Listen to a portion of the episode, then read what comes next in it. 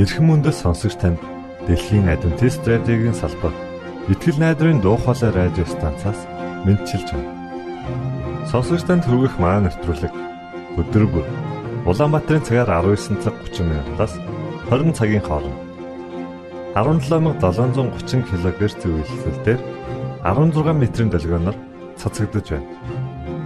Энэхүү нэвтрүүлгээр танд энэ дэлхий дээр хэрхэн аз жаргалтай амьдрах талаар зарчим болон мэдлэгийг танилцуулахдаа бид таатай байх болноо. Таныг амарч байх үед аль эсвэл ажиллаа хийж байх зур би тантай хамт байх болноо.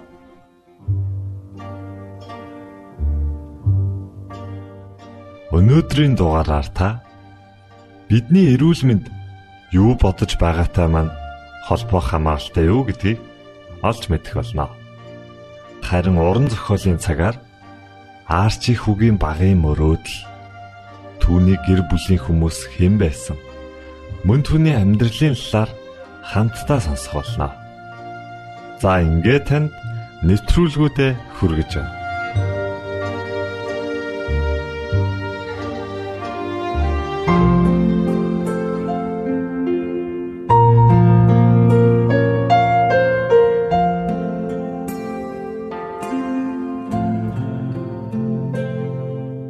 Эрхэм баян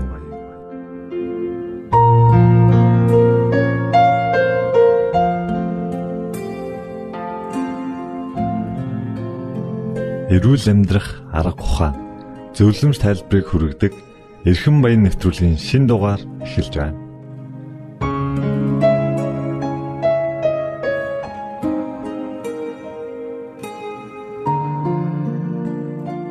Ингээд танд Монголын адвентист чуулганы эрүүл мэндийн хэлтсийн захирал болох энх баяртай хийсэн ажиллахыг хүргэж байна. Дасгал хөдөлгөөн гэдэг маань хүний амьд оршиход маш чухал нэгэн зүйлийн нэг л дээ. Яагадгүй л хүмүүс тэр чигээрээ хөдөлгөөнтэй байдаг. Хөдөлгөөнгүй байх гэж байхгүй. Жишээл би би одоо би ингээд сууж байна гэхэд сууж байгаа мөчөд би хөдөлгөөнгүй мэт боловч миний бүхэл эдээс эргэтэн систем тэр чигээр хөдөлж байгаа. Хоол боловсруулах зам маань гөрүүлдэж байна. Цус маань урсаж байна. За ингээд эс дотор байгаа эсийн хөдөлгөөнүүд байнгын хөдөлгөөнтэй оршиж байгаа. Тэгэхээр бурхан хүнийг бүтээхдээ зүгээр нэг хөдөлгөөнгүйгээр бүтээгээг байх нь. Хөдөлдөг, явдаг, хөдөлмөрлөлтөөр бүтээсэн. За дасгал хөдөлгөөн гэдэг маань цэгцтэй бас системтэй байх хэрэгтэй байдаг. Тэгэхээр хүн маань өөрөө амьдралын хэм маяг нь хөдөлгөөнтэй ажил хийдэг амьдралын хэм маягтай бас байж болох юм л та тий. Өглөө босоод ногоо тариагаа тарьдаг. Энэ хүн бол байнгын дасгал хийж гэнэ гэсэн үг. Тэр хүнд би өглөө гүөх ёстой, булчингийн дасгал тэдэн одоо тэдэн минутаар тэдэн удаа хийх ёстой гэдэг зөвлөгөө бол илүүц болно. Тэгэхээр тухайн хүний өөрийн амьдралын хэм маягаас болон ажил хөдөлмөрөөр шалтгаалаад хүн тодорхой хэмжээний хөдөлгөөн хийж явах хэрэгтэй байна. Малчин хүн байлаа гэхэд би тэр хүнд өглөөд дугуй 15 минут жи гэж зөвлөгөө өгвөл инээдтэй тийм үү? Тэрнчлэн а сумга сүүлийн үед нөө хотчсантай холбоотойгоор хүмүүс аяг сумга болж байна л да. Ажил маань дандаа суудаг. Гэрээсээ гарлаа, машиндаа суугаад ажилдаа очиод 10-аас 20 м алхаад ажилдаа ороод суулаа. За тэгээ ажил дотор нэг өдөртөө 100 м хүрэхгүй л алхам ингээ буцаад машиндаа суугаад гэртээ хараад гэрлүүгээ лифтээр ороод ингээд гэртээс диван дээр сууч. Энэ бол үнэхээр аюултай амьдралын хэм маяг. Сүүлийн үед бол ер нь амьдралын хэм маяг хөдөлгөөнгүй буюу sedentary болж дуусч байна. Ингэснээр үүнтэй холбоотойгоор хөдөлгөөнгүй байсантай холбоотойгоор өвчлүүд их үүсдэг. Хоримтлагддаг архагшдаг. Яагаад хөдөлгөөн хэрэгтэй юм бэ? Хүн хоол идээд эдсэн хоол маань шингэж явах хэрэгтэй. Эдсэн зүйлээ зарцуулах хэрэгтэй. Өөрөөр хэлбэл бид нар машиндаа түл шилээ, дүүртлэн түл шилээ. Машин хөдөлгөөнгүй байгаад бол түлш хөдлөхгүй байгаад. Явхаар түлшээ зарцуул. Яг үнтэй адилхан эдэж уусан хоол маань одоо шингэж явах хэрэгтэй. Үүнийг шингээхин тулд бид нар хөдлөх хэрэгтэй байна. Зарцуулах хэрэгтэй байна, тийм ээ.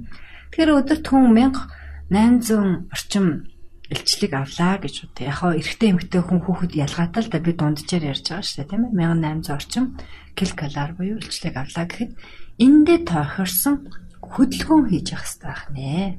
Үүнийг шатаахын тулд хэр их хөдөлмөрлөх вэ?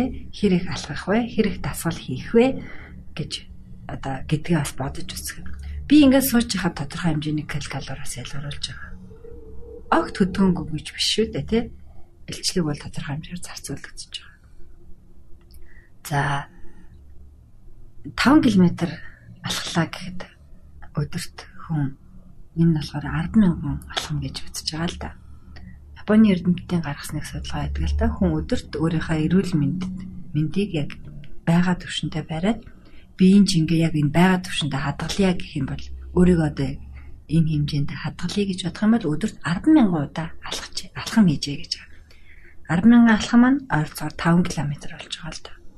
Тэгэхээр 5 км гэдэг маань төрөний миний ярьсан амьдралын хэмээгт өглөө ажилдаа унаагаар яваад орой буцаад унаагаар харьдаг хүнд бол маш хүнд байгааз 5 км буюу 100000 степ буюу 100000 алхам хийхэд тэгэхээр энэ хүн яг илүү цагаар цаг зарцуулж дасгал хөдөлгөөн хийх шаардлагатай болох нэ.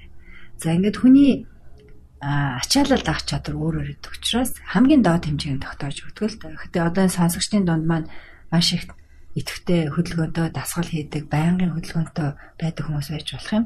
Аа бас түрүүний миний хэлсэнчлэн хөдөлгөөн багтаа амьдралаар амьдардаг, тим хэв маягт орцсон ажил болон амьдралын нөхцөл байдал нэгдсэн хүмүүс бас байж болох юм. Тэгэхээр хамгийн доод хэмжээ маань 7 хоногийн 4 өдөр хамгийн доод нь 30 минутаар хүн дасгал хийхэд одоо хамгийн доод хэмжээ буюу те нэг чатлаг ханх ус төвшөнд хүрч байна гэж. Иннээс доошоо байгаа бол жишээлбэл та 7 хоногт 4 удаа дасгал хийдгүү нэг удаа ихтэй 30 минутаар хийдгүү бол таны эргэлгэнд маш их эрсдэлтэй гэсэн. Өөрөөр хэлбэл та эдэж уусан зүйлээ шингээж чадахгүй байгаа учраас тэр зүйл зөөр шингэж задарч бидээ хүрч чадахгүй учраас танд өвчний улс суурийг үлдээсэн а дээрэр хийх юм бол илүүдл илчлэг буюу арьс махны засвар, арьс булчингийн засвар үлдээж байгаа өөхөн давхаргыг зузаална гэсэн үг. За тэгэхээр хамгийн доод хэмжээг ойлгочлоо бас өдөрт 100000 алхалт хийдэг маань бас доод хэмжээ гэж ойлгоо тийм үү. Тэгэхээр энд та хүрэхгүй бол таны амьдралын хэм маяг ямар байна вэ? Үнэхээр залах уу хөдөлгөөнгүй төвшөнд байна л гэсэн үг байна. 100000 алхам хийн гэж 5 км тийм. Энэ 5 км маань тэр 30 минутад орох уу тэр дасгал хийх 7 хоногийн 4 өдөр За оруулж болно. Яг л өдөр болгон 5 км алхаад ах юм бол энэ 45 орчим э, хугацаа минут хугацаа зарцуулна. Яг тухайн хүнээсээ шалтгаан л хурдан удаа алхаж байгаасаа яг 45-аас 1 цагч алхаж болно зарим хүн. 5 км-ийг 1 цаг алхадаг ч юм байж болно. Тэгэхээр энэ маань өдөр болгон 7 хоногийн 4 өдөр ингээ алхачих юм бол энэ хүн яаж вэ? Нормо барьж байна л гэсэн. Тав болчих юм бол нормоосоо харин зөв эрүүлжүүлэх төвшөнд шилжиж байна гэж ойлгож болох юм. 30 минут дасгал хийнэ гэж байна тийм үү. Тэгэхээр бид нэр алхаж болох юм байна тийм 30 минут. Алхахаас өөр дасгал хөдөлгөөн гэдгийг бид нар бас юу гэж ойлгож болох вэ? За 30 минутын дасгал хөдөлгөөн маань хамгийн бага түвшин гэж биелсэн тийм ээ. За алхах гэдэг маань одоо хамгийн энгийн дасгал. Өөрөөр ажилдаа алхаад ирэх. 3 өдөрт 3 км ажлынхан зай чинь 2 км авах юм бол эртхэн гараад алхаад буцаад ирэхэд 4 км алхачлаа гэсэн. 1 км нь бусад байдлаар алхаж болно. Шатаар явах ч юм уу, лифтээр явахгүй ч юм уу тий. За дээрэс нь а 30 минутад хийх дасгал маань өөр энэ дасгал хийж чадаагүй бол одоо мэдээлэл технологийн эрүүл үед амьдарч байгаа бид нар зургатаа зургатаар YouTube-ээр дасгалууд байгаа. Арабикийн болон бусад биеийн дасгалууд хүн хүчсэн дасгалууд байгаа. Хийчих болж штэ тийм ээ хараад зогсож байгаа 30 минут. Тэгэхээр дасгалыг системтэй хийнэ гэдгийг би түрүү ихэндээ хэлсэн. Яагтвэл дасгал хийн гэдэг маань тогтмол цагт хийх юм бол би яг тэр цагтаа бэлэн болдог. Өөрийгөө бэлтгэдэг байна. Өглөө босоод 6 цагт би дасгал хийнэ гэсэн тохиолдол байх юм бол 6 цагт би өглөө босоход миний дасгалд бие халаах хэрэгтэй эхлээд за тэгэд а аэробикийн хэсэг буюу одоо гүөх буюу өсрөх те одоо агаар их төлхөө хэрэглэсэн дасгал байна даслыг хоёр хуваадгалд aerobic, anaerobic гэдэг. За аэробик гэдэг нь болохоор агаар хэрэглэж байгаа. Зөвхөн ганцхан бүжиглээд байгаа дасгал бол биш байх нь шүү дээ, тийм ээ. Хэрвээ та гүйж байгаа бол өглөө 2 км юм уу 3 км гүйжиж байгаа бол энэ аэробик дасгалд орчиж байгаа. За энэ аэробик буюу нөгөө нөгөө эсрэг нөгөө тал нь болохоор булчин хөгжүүлэх буюу хөдөлгөөн багтаа тэгсэр нэ булчин илүүх одоо тонус өгдөг тийм одоо булчин хөгжүүлдэг манайхнаар бол бодибилдингийн ч юм уу те фитнесийн дасгалууд орчих. Хүчний дасгалууд. Аа хүчний дасгалууд гэж ойлгож байна. За энийг зохицуул зохистой хийн. Нэг нь давуу болчих юм бол тэнцвэрээ алдчих. Тэгэхээр хүн өглөө 30 минутын дасгал хийя гэж бодоход эхний 5 минутанд нь бие халаах нь байна. 5 минут. Бие халаах сонголт гэж бас. А сонголтыг болохоор тий яг бие халаах бол сонголт бас яг үндэ биш юм. Эхлээд бие халаана.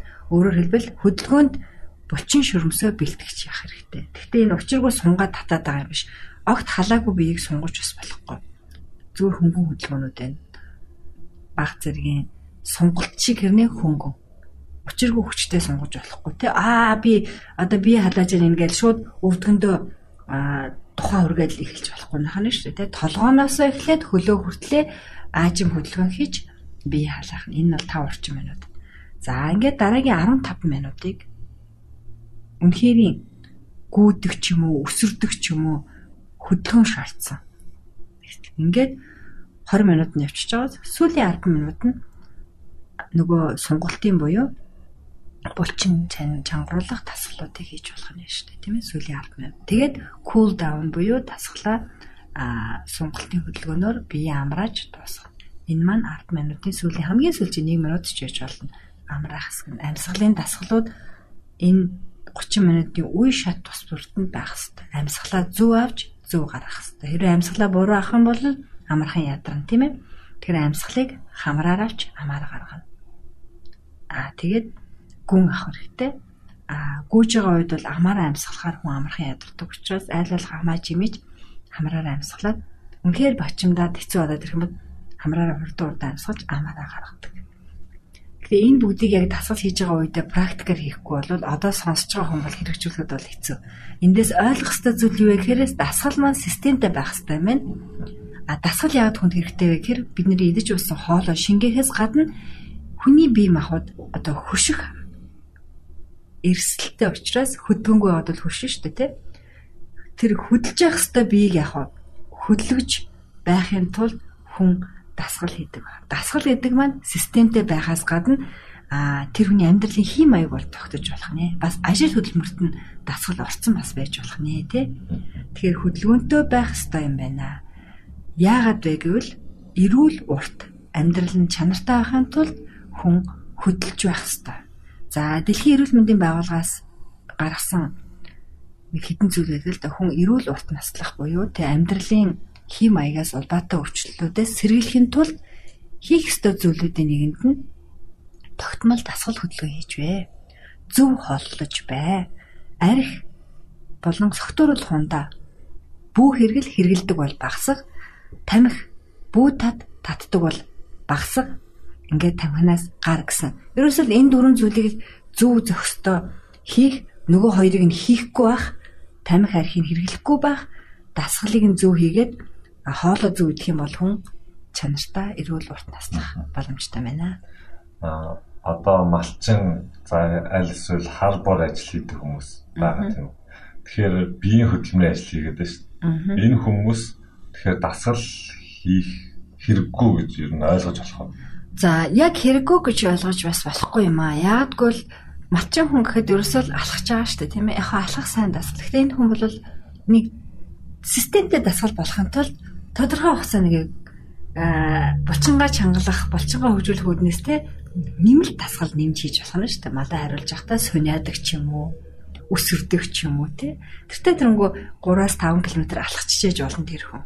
Ингэснээрээ а системтэй болсноороо бид очих үр шим нь илүү их байдаг. Зүгээр л алхаад байна гэдэг бас дасгалын тоонд орж байгаа ч гэсэн системтэй илүү чанартай байхын тулд булчин хөгжүүлэх хэрэгтэй. Төрөний нөгөө ярьсантай булчин хөгжүүлдэг хэсэг байна. Бас агаар амьсгалдаг, агаар зарцуулдаг. Өөрөөр зүрхэнд ачаал өвдөг нэг хэсэг байна. Тэр маань гүйдэг, хараадаг, өсөрдөг. Тайван алхаад байснараа бас дасгалын шимийг авахгүй байх тохиолдол байдаг л да. Тэгэхээр үр шимийг авахын тулд яг ачаал нэмэх нь өөрийгөө сойрох нь бас дээрэс нь булчингаа хөгжүүлэх дасгалыг нэмж өгөх хэрэгтэй юм байна. Дасгалаас хүн авах үр шим нь бол ганцхан те нөгөө уян хатан нас ахицсан хүний нөгөө хүн хатан гаршиж хөдөлгөөн багтаж дээрэс нь хүшдэг. Тэгвэл дасгал хийж байгаа тогтмол хийдэг хүн бол нас өтлсөн ч гэсэн өвдөг, үе мөчний өвдөлт нь бага байхаас гадна хөдөлгөөн нь уян хатан байна.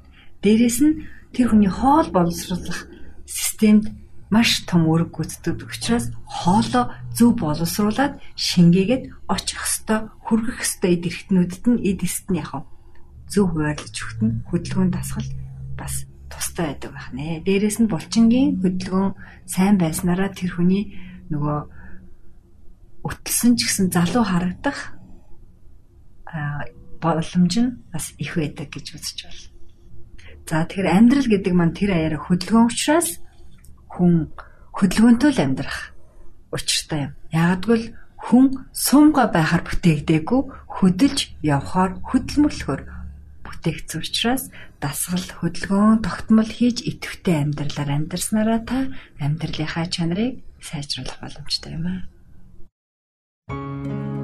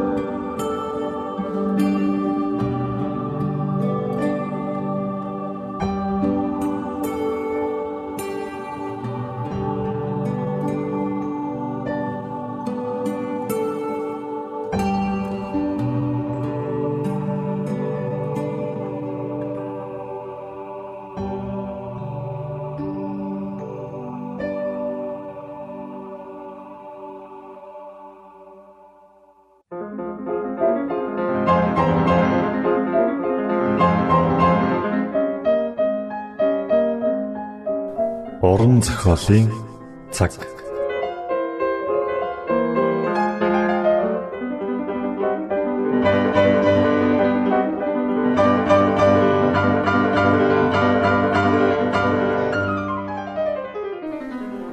Уран зохиолын цаг нэвтрүүлгийн шин дугаараар уулзж байгаадаа баяртай.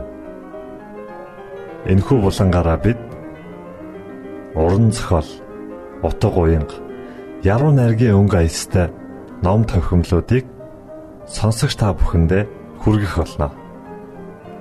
Та бидэнтэй хамт байгаарай. Тэн удаагийн дугаараар эцгийн гашуун бэлэг хэмээх арчи хүүгийн тухай гарах номыг сонирдуулах гэж байна. Хөжөндөө артн сонов.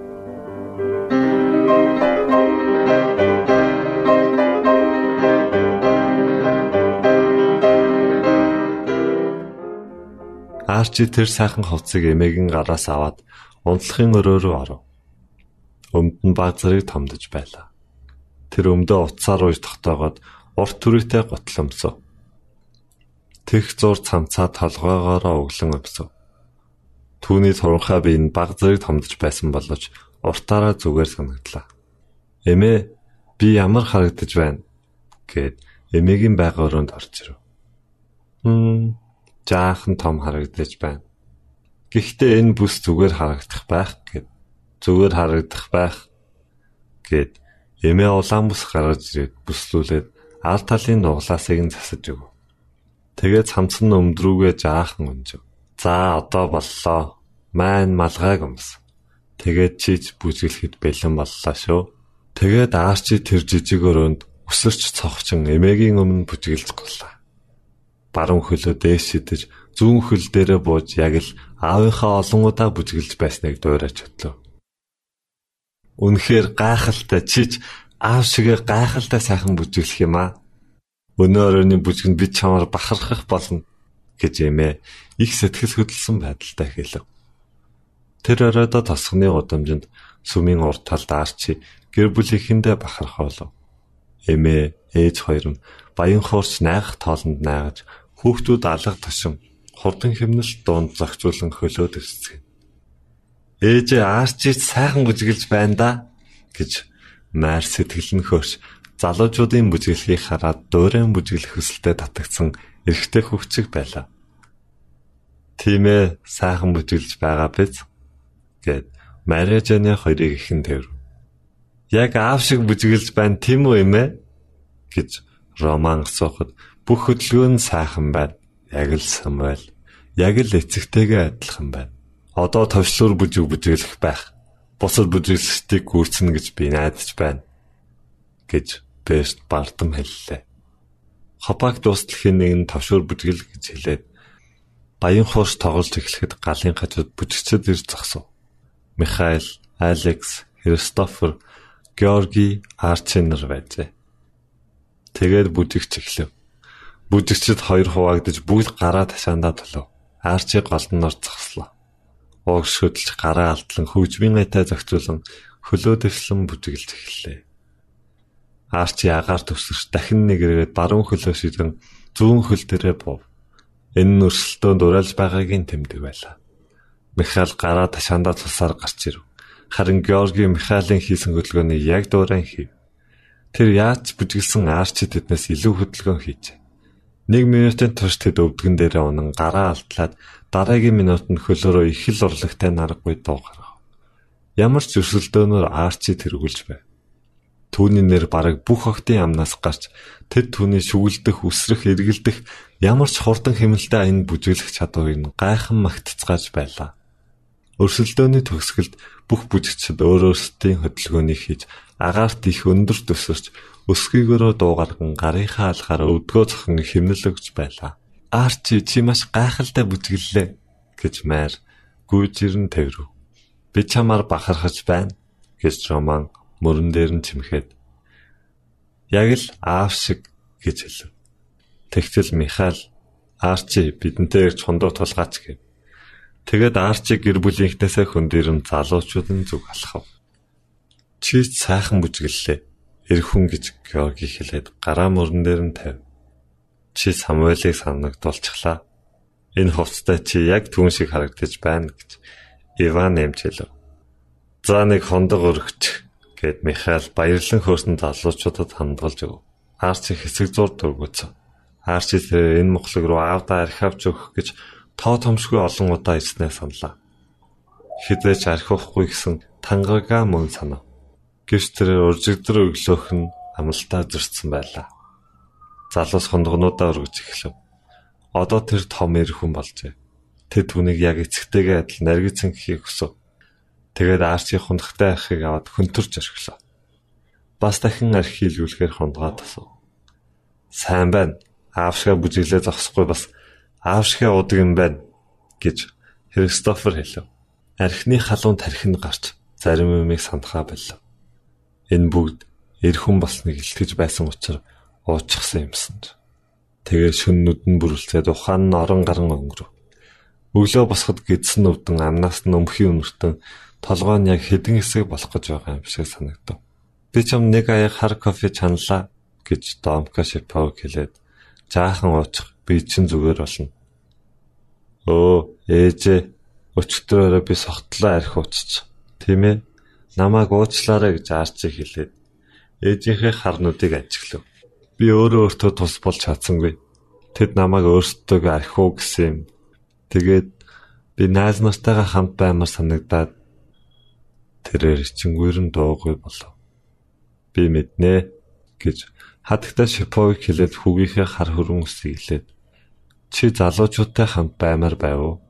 Чи 2 3 хондоо угаад болиё гэж бодоод болох гэсэн чинь тэд чамд хундаглаад өгөөд байсан болохоор чи үгүй гэж хэлж чадсангүй юу? Аар чи ээж рүүгээ их гайхсан байдалтай хараад яг ийм юм болсон. Гэтэ та яаж энэ бүгдийг мэдсэн юм бэ? Би энэ түүхийг Самуэлаас хандлаа сонссон. Чи яг аав шигэ бүх зүйлийг давтаж байна. Эмээгийн хэлдгээр алин модносоо хол ойчтгүй гэд. Ээж нь санаа зовсон байлаа харуулахгүй гэчээ. Буруу хараад зогсов. Тэгээд эргэн хараад энэ өвсгөллээ. Чич өчтөр гайхалтай сайхан бүжгэлсэндэ Арчи аяг сунгаад ээж рүүгээ харан нэмсгэллээ. Би та нарыг өөрөөрөө бахархуулахыг бодно гэж хэлв.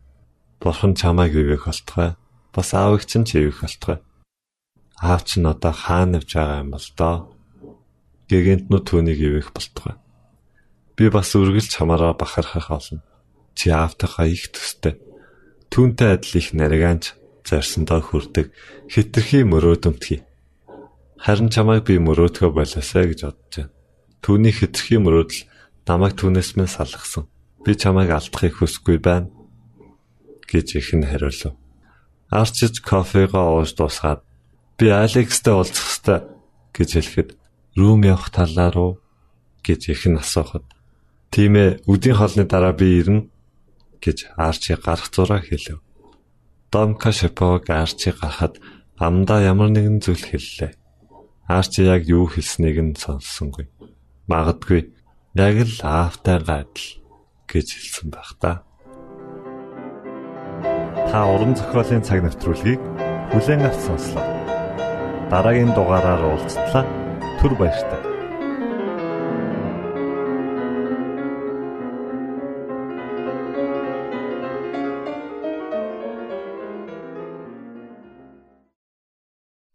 Итгэл найдрын дуу хоолой радио станцаас бэлтгэн хөрөгдөг нэвтрүүлгээ танд хүргэлээ. Хэрв та энэ өдрийн нэвтрүүлгийг сонсож амжаагүй аль эсвэл дахин сонсохыг хүсвэл бидэнтэй дараах хаягаар холбогдорой. Facebook хаяг: Satiin үсгээр Монгол заавад AWR Имэйл хаяг: mongol.awr @gmail.com Манай утасны дугаар 976 7018 24 9 Шуудангийн хаяг 16 Улаанбаатар 13 Монгол улс Биднийг сонгон цаг зав аваад зориулсан танд баярлалаа. Бурхан таныг ивээх болтугай.